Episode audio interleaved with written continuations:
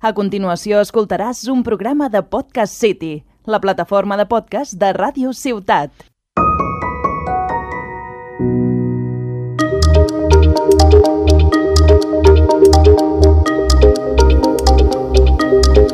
Hola, benvinguts i benvingudes al racó dels Global Goals, el podcast de Jove Cambra Internacional de Reus.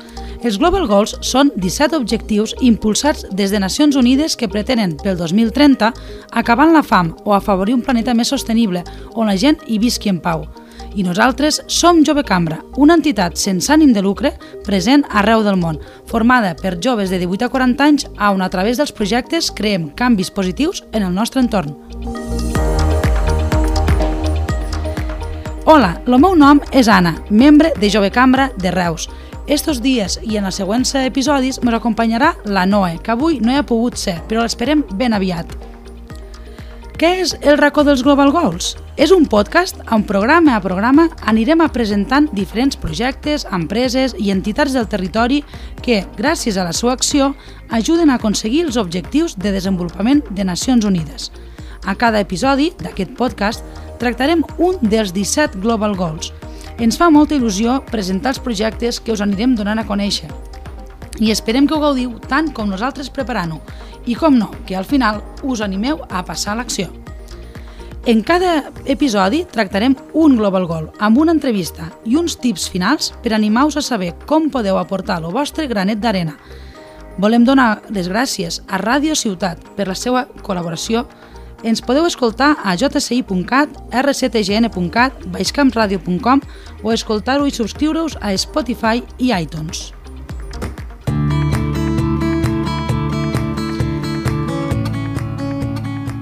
En este primer podcast tractarem el Global Goal número 14, Vida submarina, i per això ens acompanya l'Albert Font de Rubinat, fundador del projecte Good Karma Project. Molt bones, Albert. Hola, Anna. Primer que tot, repassarem en què consisteix el Global Goal número 14, vida submarina. Els oceans, per la seva composició i característiques, garanteixen l'estabilitat climàtica i permeten que la Terra sigui un planeta habitable. A més, proveeixen d'aliments i altres productes la meitat de la població del món. Tot i això, les grans masses d'aigua, mars i oceans es veuen sotmeses a una intensa pressió. Els oceans reben grans quantitats de contaminants, sobretot des de terra ferma, químics, sobretot de l'agricultura, i tot tipus de plàstics, entre d'altres, i pateixen una sobreexplotació dels recursos pesquers. L'ODS 14 aborda els seus problemes que afecten els mars i els oceans. Es tracta de protegir i gestionar de manera sostenible els ecosistemes marins i costaners, amb la perspectiva de conservar almenys el 10% de totes aquestes àrees, D'altra banda, s'ha de poder preservar la pesca impulsant sistemes pesquers que fomentin la capacitat de regeneració dels ecosistemes. Hasta aquí la descripció d'este Global Goal. L'Albert, un jove de Reus i que té molta estima i que està molt proper en aquestes costes, en estos mars que tenim aquí davant, que és el mar Mediterrani, i per parlar una mica més i conèixer què podem fer per millorar este Global Goal número 14, vida submarina, l'Albert ens explicarà una mica en què consisteix el projecte Good Karma Project. Pues sí, bueno, Good Karma Projects va néixer el 2017, eh, vam ser jo i un amic de tota la vida, el Jordi Oliva, de Salou, jo sóc de Reus, i els dos surfistes vam aprendre a fer surf aquí al Mediterrani, a, doncs a les platges de Salou i de Tarragona, i va ser el fet aquest, no?, de que el surf és un esport molt en contacte amb la naturalesa, i ens vam donar compte Eh, primer que tot, la, de, la mà de plàstics que ens trobàvem quan anàvem a fer surf, tant a l'estiu com a l'hivern, a les platges també, i després també ens vam donar compte de que els propis materials que nosaltres fem servir amb les taules de surf són 99% plàstic, vull dir, la taula de surf, no? I, i molta gent això no ho sap, i llavors els surfistes, que som els primers, no? que, que estem aquí en contacte amb el medi, eh, som els primers que paquem no, d'aquest descon desconeixement i això ens va ser el que ens va llançar a, a voler crear un canvi amb l'organització Good Karma Projects. Molt bé, és que justament de vegades no, la, la, los humans som així, de vegades ens aproximem a allò que ens agrada moltíssim i sense donar un compte ho destruïm. No? Mm. En aquest cas, Valtres lo mar, la vida submarina no està només a quilòmetres endins, no? allà on estan les balenes, però sí que s'afecten pel que fem nosaltres des de la terra, des de la sorra. No?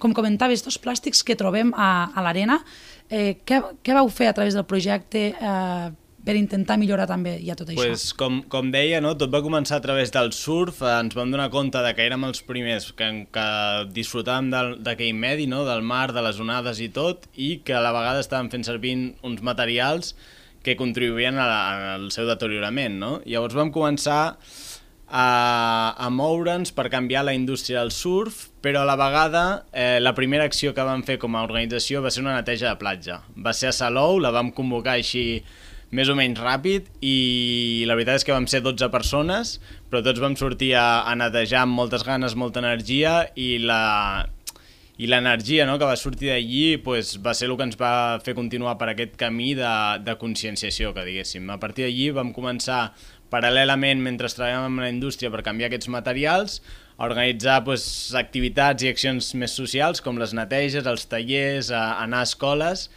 i ara, dia d'avui, eh, la veritat és que és aquesta part, la part eh, de moviment social, la que ha crescut amb, amb molta força l'organització i sí que és veritat que seguim amb, amb el tema d'indústria i materials en les taules de surf, però ha quedat pues, més eh, com un projecte algo més, a la que dediquem menys, menys temps, menys recursos. Sí, però han sortit coses no? Com molt interessants, que al final aquesta part de conscienciació que comentaves i conscienciació des de les escoles, no? En aquest cas, eh, heu desenvolupat ja projectes per a les escoles. Sí, eh, tenim un projecte que es diu Kids for the Future i va néixer de forma molt natural després de, de començar amb aquestes neteges, no? Un, va ser, de fet, una professora que ens va contactar per a veure si podíem anar a, a, a la seva escola a fer una xerrada, no? Llavors allí va ser quan vam començar i el que dèiem del, de l'ODS de vida submarina, eh, nosaltres quan anem a les escoles i sobretot parlem d'això dels oceans i del plàstic, que és d'on va començar tot, eh, sempre remarquem la importància dels oceans. El fet de que estem completament connectats a, a l'oceà i tant si ets de platja com ets de muntanya, vull dir, és important per, per tota la vida del planeta. Sí, perquè al final estiguéssim on estéssim, l'altre dia també veia algun reportatge, tot està connectat i de vegades un plàstic que pots tirar aquí pot aparèixer una altra punta i moltes vegades coses que no ens pensem que són plàstics que es poden que ja són grans abocadors al mar, que hi ha altres punts del, del món també, ens acaben afectant, no? perquè el mar, l'oceà està, està connectat. I tant que sí. Llavors, el principal objectiu avui del projecte, en el que estaríeu ara mateix treballant, Pues, L'objectiu final és conscienciar la societat de la importància de cuidar el nostre entorn amb la visió final d'això, de poder viure en harmonia amb l'ecosistema. O sigui, no hem d'oblidar que som una peça més i, i una peça que ha de funcionar en harmonia i consonància amb, amb les demés, no? Llavors, el que comentava, nosaltres tot el que hem après ho hem après de, del surf i de l'oceà i ara ens toca transmetre pues, aquest apreci i aquest respecte no? que, ens ha, que, ens ha, que, que ens ha ensenyat a, a aquest esport. I tant que aquesta és una de les coses que primer també ens va sorprendre, que era el fet de que existeix tot este moviment surfero a les costes eh, tarragonines, cosa que, que no coneixíem abans de conèixer el projecte eh, i que sí que, i que, sí que existeix. Mm -hmm. eh, I no sé si sou molts eh, que practiqueu aquest esport. Bueno, pues sí, la, el surf en si està creixent aquí a la zona perquè bueno, és un esport que, que enganxa molt. També he de dir que a Gut Carme no tots som surferos, no som una, una secta tancada, hi ha gent de tot, però sí que és veritat que el nostre ADN pues, és a, aquest, no? els, els esports i l'estar a l'aire lliure i el contacte amb la naturalesa. Bueno, I això en època de pandèmia, com ara, és el que també busca la majoria de gent, este contacte amb la natura, este, estar a l'aire lliure, no? Mm -hmm Eh, com us ha afectat la pandèmia? Hagut de canviar alguns, uh, alguns programes que teníeu o alguna cosa? Pues sí, la veritat és que sí, la pandèmia com a tothom ens ha afectat d'una manera o d'una altra. Eh, nosaltres sempre havíem sigut molt de l'acció, vull dir, parlem de conscienciació però tenim molt clar que el pas a fer és l'acció, necessitem que, que la gent no sol conegui el problema, el problema i en sigui conscient, sinó que vulgui actuar i actui vers aquest problema eh, o aquest repte medioambiental i llavors estàvem molt volcats en l'acció, en, en, en als llocs, parlar, fer tallers, eh, fer accions, tot, tot, tot això. La pandèmia ho ha, hagut, ho ha frenat, però la veritat és que hem sortit bastant reforçats perquè ens ha donat temps com a organització a, a planificar-nos una mica més, a, a organitzar-nos i ara mateix contem amb un equip molt més potent, no? Hem, hem crescut en membres i, i en tot i ara la veritat és que la projecció és molt, molt bona. Perfecte. Parlant ara ja d'aquests plans de futur, no? eh, i cap a on anem? Tenim alguna, alguna, alguna agenda, alguna acció futura que poguéssim ja desvetllar o comunicar? Bueno, i tant, sí, sí. Ara, ara de fet, del 20 i el 21 de març eh, fem una crida a tothom a, a sortir a, a fer una neteja, sigui a la platja, al riu o en qualsevol espai natural. Això es pot fer a través de la nostra web, ha sigut algun nou que ha sortit de, de la pandèmia, no? ja que no podem organitzar pues, aquestes neteges que ens agrada fer a nosaltres, on ens juntàvem un bon grup de gent i la finalitat no era tant el, el netejar, sinó perquè no ho, creiem com una, no ho veiem com una solució, sinó era més el, el conscienciar i el, i el fer, fer pinya una mica. I, i ara ho estem fent d'aquesta manera, no? estem fent una crida i a través de la nostra web et pots inscriure i després pots compartir les dades, que nosaltres aquestes dades també les treballem i les fotos i tot això per fer, pues això, per, per, fer, per crear aquest moviment de, de gent i de voluntaris. Perfecte, Albert. I si algú vol sumar-se al projecte, on us pot trobar? A xarxes socials, a la web? Si ens vols recordar una mica on, on sí, sí, trobar? Sí, sí, tenim, bueno, estem al dia, tenim web, tenim xarxes socials, és molt fàcil de trobar-nos a través de Good Karma Projects, tant a Instagram com a la web, i tothom és benvingut, o sigui, tota ajuda és benvinguda, hi ha moltes formes de col·laborar i ajudar, des de fer-se voluntari per ajudar amb tots aquests projectes que comentàvem, Ara dintre poc també traiem la part de fer-se membre, fer-se Good Karmer, que li diem, eh, que seria pues, unes donacions recurrents que venen amb uns certes avantatges. I després pues, això, des de regalar alguna de merchandising de l'organització i portar-ho amb orgull o participar en qualsevol de les accions o simplement seguir-nos a les xarxes i, i donar veu al projecte pues i tant, aquí eh, tothom ha apel·lat a, a contribuir, a sumar eh, com comentes, eh, no, des de la part més de fer simplement, simplement no, que és important, do, dedicar el temps a una cosa així, que és un dels, dels, dels grans valors que tenim eh, tots nosaltres, dels grans actius, que és el temps, eh, i moltes vegades no en tenim molt, eh, com seguir com fer difusió, etc que com comentaves tu, al final és, eh, és millor el residu que no cal recollir, és aquell que no existeix, per tant d'aquí la part de conscienciació, però que en qualsevol cas, com sabem que hi ha residus, sí que passar a l'acció i recollir-los i que no acaben d'arribar en estos oceans, en estos mars, pues és l'altra acció que, que podem fer. I que no val d'excusa el tema de que no ens podem trobar, que sols podem fer moltíssimes Clar. coses, podem anar sumant-nos, com bé dius tu, en aquests reptes eh, que teniu des de la web i cada gra de sorra, no, mai més ben dit, sume i, i ajuda al, al projecte. I tant que sí. Moltes gràcies, Albert. A vosaltres per invitar-nos. Felicitats pel projecte, mos sumarem, des de Jove Cambra ja hi pots comptar que, que mos sumarem. És un plaer escoltar la teva força, l'energia que, que desprens i que, i que veurem també, o sigui, la gent que entra al vostre, al vostre Instagram, etc. este good karma que, que aporteu eh, se veu des de la primera foto. Per tant, moltíssimes felicitats. Moltes I, gràcies. I ara arribem a la part final d'este primer podcast que són les idees o tips de com podeu passar valtres també a l'acció, perquè aquí no s'escapa ningú. Comencem amb el primer.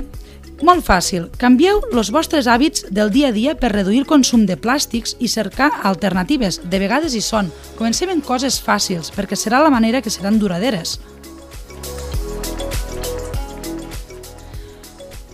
Una segona manera d'ajudar al Global Goal Vida Submarina.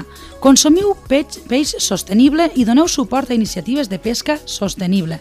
Això què significa? Pues significa que és aquella que es pot mantenir indefinidament sense comprometre la viabilitat de la població de l'espècie objectiu, ni de la resta d'espècies de l'ecosistema, com a futur per als oceans i per les comunitats pesqueres.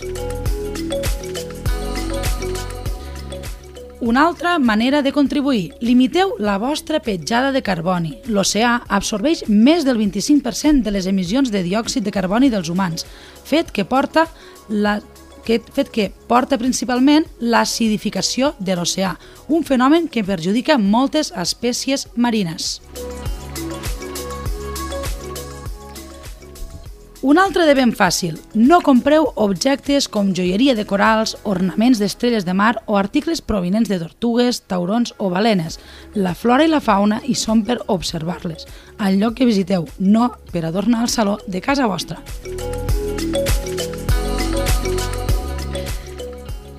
I per últim, i com estàvem comentant, impliqueu-vos en iniciatives per cuidar i netejar les platges. Tan important és no deixar els nostres residus a la platja com recollir els que hi trobem. Encara que no siguin nostres, sí que podem ajudar a netejar les platges. Aquí us invitem a sumar-vos a Good Karma Projects o altres apps que existeixen, com Clean Up Catalonia Challenge. I fins aquí este primer fins aquí este primer episodi del podcast El racó dels Global Goals. Esperem que us hagi agradat, que us hagi motivat i sobretot que passéssiu a l'acció. Nosaltres tornem en 15 dies en el pròxim episodi presentant lo proper Global Goal. Fins a propera i cuidem l'entorn!